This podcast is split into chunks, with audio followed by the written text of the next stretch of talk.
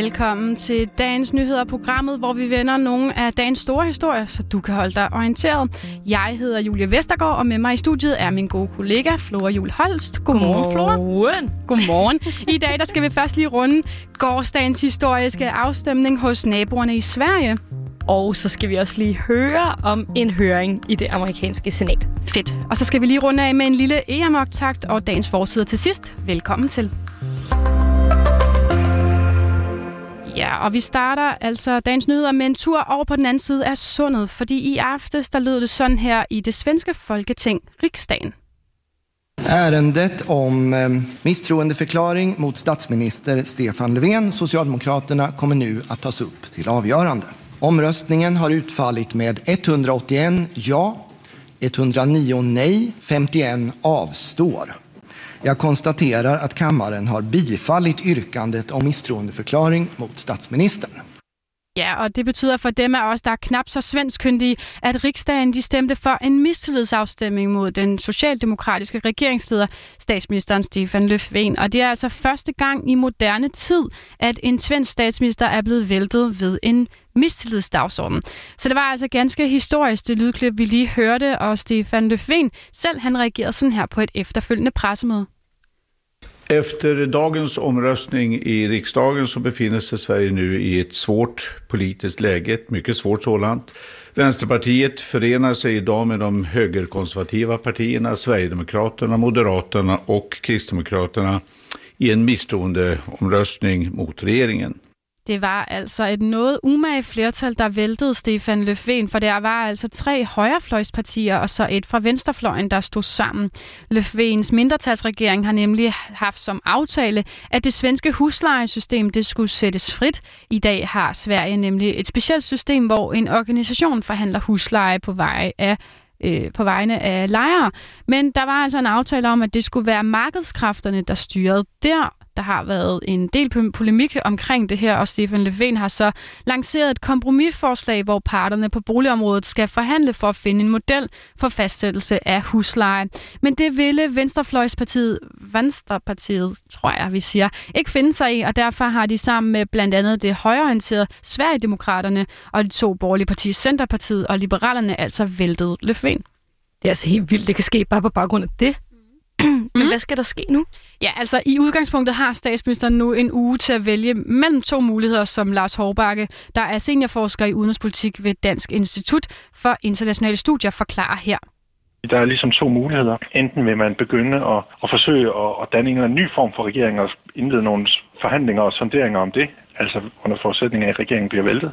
Ja, det kan altså godt blive svært, for der er et stort spænd mellem de partier, der er gået sammen om den her mistillid, og så er der mange partier, der ikke vil samarbejde med Sverigedemokraterne overhovedet, og det gør selvfølgelig svært, flertallet sværere. Mm. Og den anden mulighed er lidt mere lige til der bliver udskrevet et såkaldt ekstravalg. Og det er helt specielt for Sverige. Det har man ikke i andre lande rigtig i Europa. De har et system, hvor de skal have valg hvert fjerde år, ligesom vi skal have, ligesom man har mange andre steder. Men hvis de udskriver valg i utide, så kommer det ind som sådan et ekstra valg. Så skal de stadigvæk have det valg, de skulle have haft normalt. Så sidst der var valg, det var i 2018, september 2018. Og selvom der eventuelt kommer et såkaldt ekstra valg nu på grund af det her, øh, så skal de stadigvæk også holde valg i september 2022, altså om, om lige knap et år. Ja, men hvad det så ender med for svenskerne, det ved vi potentielt ikke før om en uge, men det er bestemt værd at holde øje med, og også allerede fra nu af. Og jeg tænker lige, at vi bliver i udlandet. Mm? Øh, tirsdag, der kommer der nemlig til at være en høring i det amerikanske senat. Ja, altså i dag, tirsdag. Nemlig ja. i dag, mm. den tirsdag. Yes. Og øh, den høring, den, øh, den vedrører forbud, forbundshovedstaden Washington D.C. Ja. Mm. Men altså, før vi dykker lidt mere ned i det, så vil jeg lige høre dig, Julie. Ja. Ved du egentlig, hvad D.C. står for? Det ville være så fedt at sige ja, men jeg aner. altså, det D.C. Øh, I hvert fald noget med district, tænker jeg, men så ved jeg heller ikke mere. Ved du hvad? Det er fuldstændig korrekt. District of Columbia. Okay. Ja, og det er altså ja. dem, som er omdrejningspunktet nu her i mm. den her høring. Mm-hmm. Washington D.C., de vil nemlig gerne ophøjes til en stat. Okay eller det vil sige, at nogen vil gerne have dem ophøjet. Mm-hmm. Øh, lige nu er de nemlig en distrikt, og ikke en, en delstat. Og det betyder, at så har de ikke nogen stemmerepræsentation i kongressen. Nå. Øh, de har en delegeret i repræsentanternes hus, ja. men, øh, men de har ikke nogen stemmeret på et lovforslag, for eksempel. Okay. Det Ja. lyder lidt sjovt, synes jeg. Ja, også fordi man tænker, altså Washington D.C., alle kender jo det, ikke? Det Jeg troede også, de havde mere øh, Ja. pondus bag sig på en måde. Ja, ja. De har heller ikke nogen repræsentanter i senatet. Nej, okay. Ja. Jamen, så der er lidt at kæmpe for, kan man jo sige. Og det er også sjovt, fordi de har 705.000 indbyggere. Okay. Og det er altså mere end både delstaterne Wyoming og Vermont. Så det er sådan, altså man kan måske godt forstå, at der er nogen, der kæmper lidt for det her, ikke? Ja, jo jo, enig. Ja. Så har de fundet på et slogan, øh, og det er baseret på, at de betaler skat på lige fod med alle andre indbyggere, sjovt ja. nok. Øh, og så har de fundet øh, sloganet Taxation Without Representation. Ja, Ja, det skulle da meget godt fundet på. ja, det klinger meget godt. Ja. Og det har også en reference til den amerikanske revolution, hvor amerikanerne, jeg ved ikke, om du kan huske fra historietimerne og sådan noget, men uh. de, øh, de var jo utilfredse dengang med, at de skulle betale skat til England, som jo ikke var repræsenteret af deres parlament, og var helt vildt langt væk og sådan noget. Ikke? Så okay. det er lige sådan en, um, remember this, Ja. vi er stadig lidt bedre over det her. Ikke? Jo, okay. Ja. Ja. Mm. Mm. Og øh, det forslag, det skal i høring øh, øh, her i dag. Det, Ja. det er rimelig spændende. ja, altså hvad er så argumenter? Fordi nu kan jeg godt høre mange argumenter for. Hvad er argumenterne imod? Ja, altså øhm, først og fremmest, så er det ældste argument, som Founding Fathers, landets grundlæggere, Ja, havde dengang, Ja. øh, at hovedstaden skal være under federal kontrol. Mm-hmm. Altså det vil sige, lovene skal altid være til hjælp for dem, der lovgiver. Og ingen stat skal kunne tage kontrollen over kongressen ved blandt andet at styrke sikkerheden. Altså, det kan jeg jo godt se en form for mening i. Er der andre argumenter mod? Ja, altså, øhm, så er der nogle politisk motiverede grunde. Mm. Øh, lige nu er der øh, 100 senatorer, øh, det vil sige, der er to per stat. Ja.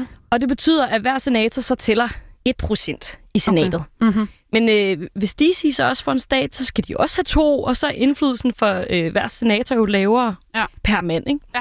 Så øh, hvis de to øh, senatorer øh, bliver demokrater, det bliver de formentlig, så kommer de til at skubbe ret meget til magtbalancen i senatet. Okay. Øh, så det, det er det, der gør, at der er nogen, der ligesom synes måske, mm-hmm, skal vi have Mm. flere demokrater ind? Måske ikke. Ikke så fedt. ja. Nej, okay, fair nok. ja, så tirsdagens høring, det er i hvert fald med i.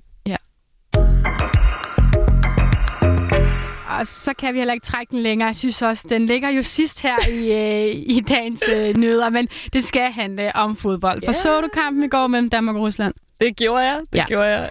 Altså, jeg vil også sige, at jeg skulle øh, op i dag klokken 4. Det afholdt mig ikke fra at være op og se kampen, fordi der var lagt i kakkeloven til virkelig spændende opgaver. Jeg må indrømme, jeg er ikke særlig god til det der med... Øh, det er godt, jeg ikke er blevet sportsudøver, for jeg bliver så nervøs på andres vegne. Jeg sidder nærmest som at se en gyserfilm, så sidder jeg og kigger mellem, mellem øh, fingrene og holder dem op for øjet, for jeg synes, det er så spændende.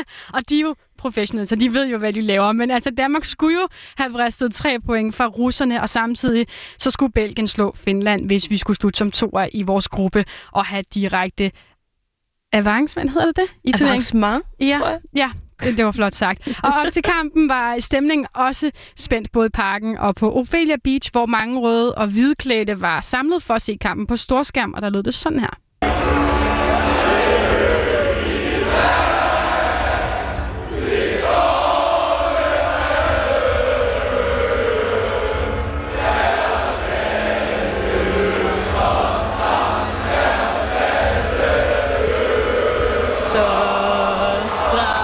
Ja, altså man er virkelig kold, hvis man ikke synes, det der, det rører en lige i hjertekuglen. Og altså kampen allerede fra start var jo en spændende affære. Der bølgede frem og tilbage i første halvleg. Jeg vil jo sige, vi startede rigtig godt mod Belgien, og det var lidt som om, at i går, der var vi lidt over... Jeg ved ikke, om vi var overrasket, men det var ikke lige så god en start. Men endelig efter 38 minutter, der lød det sådan her. Ja.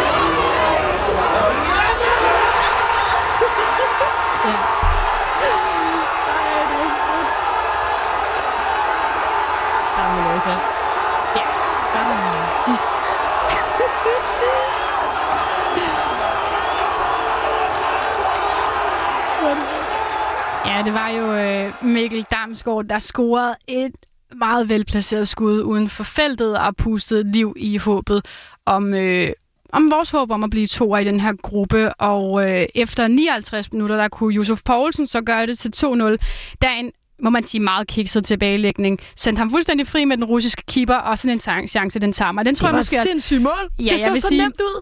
Ja, det gjorde det, og jeg tænkte, nu skal han bare ikke brænde, fordi Ej. den her chance, den er så stor. Og desværre så lykkes det jo øh, russerne at reducere på et straffespark.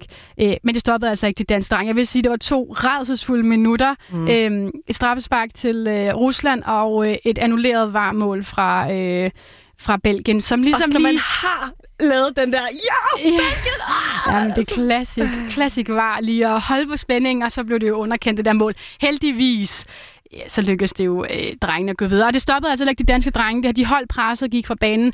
Men 1-4 sejr med Andreas A.C. Christensen på et langskudstrøn og Joachim Mæle med en iskold afslutning. Mm. Og når Belgien så samtidig lykkedes med at slå Finland med 2-0, blev det til, ja, så er Danmark altså videre ved EM, og det lød sådan her.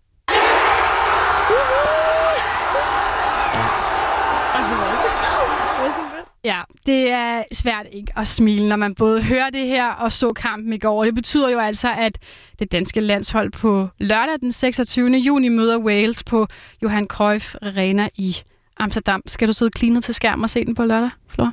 Altså, jeg plejer jo ikke så fodbold, men jeg er blevet så grebet, så måske, det kan faktisk virkelig godt være. Jeg vil sige, at øh, hvis du ikke gør det, så tror jeg, du er en af de eneste danskere, der ikke gør det. Så bare for at være med på snakken søndag og mandag, når vi mødes alle sammen, så synes jeg, øh, se den.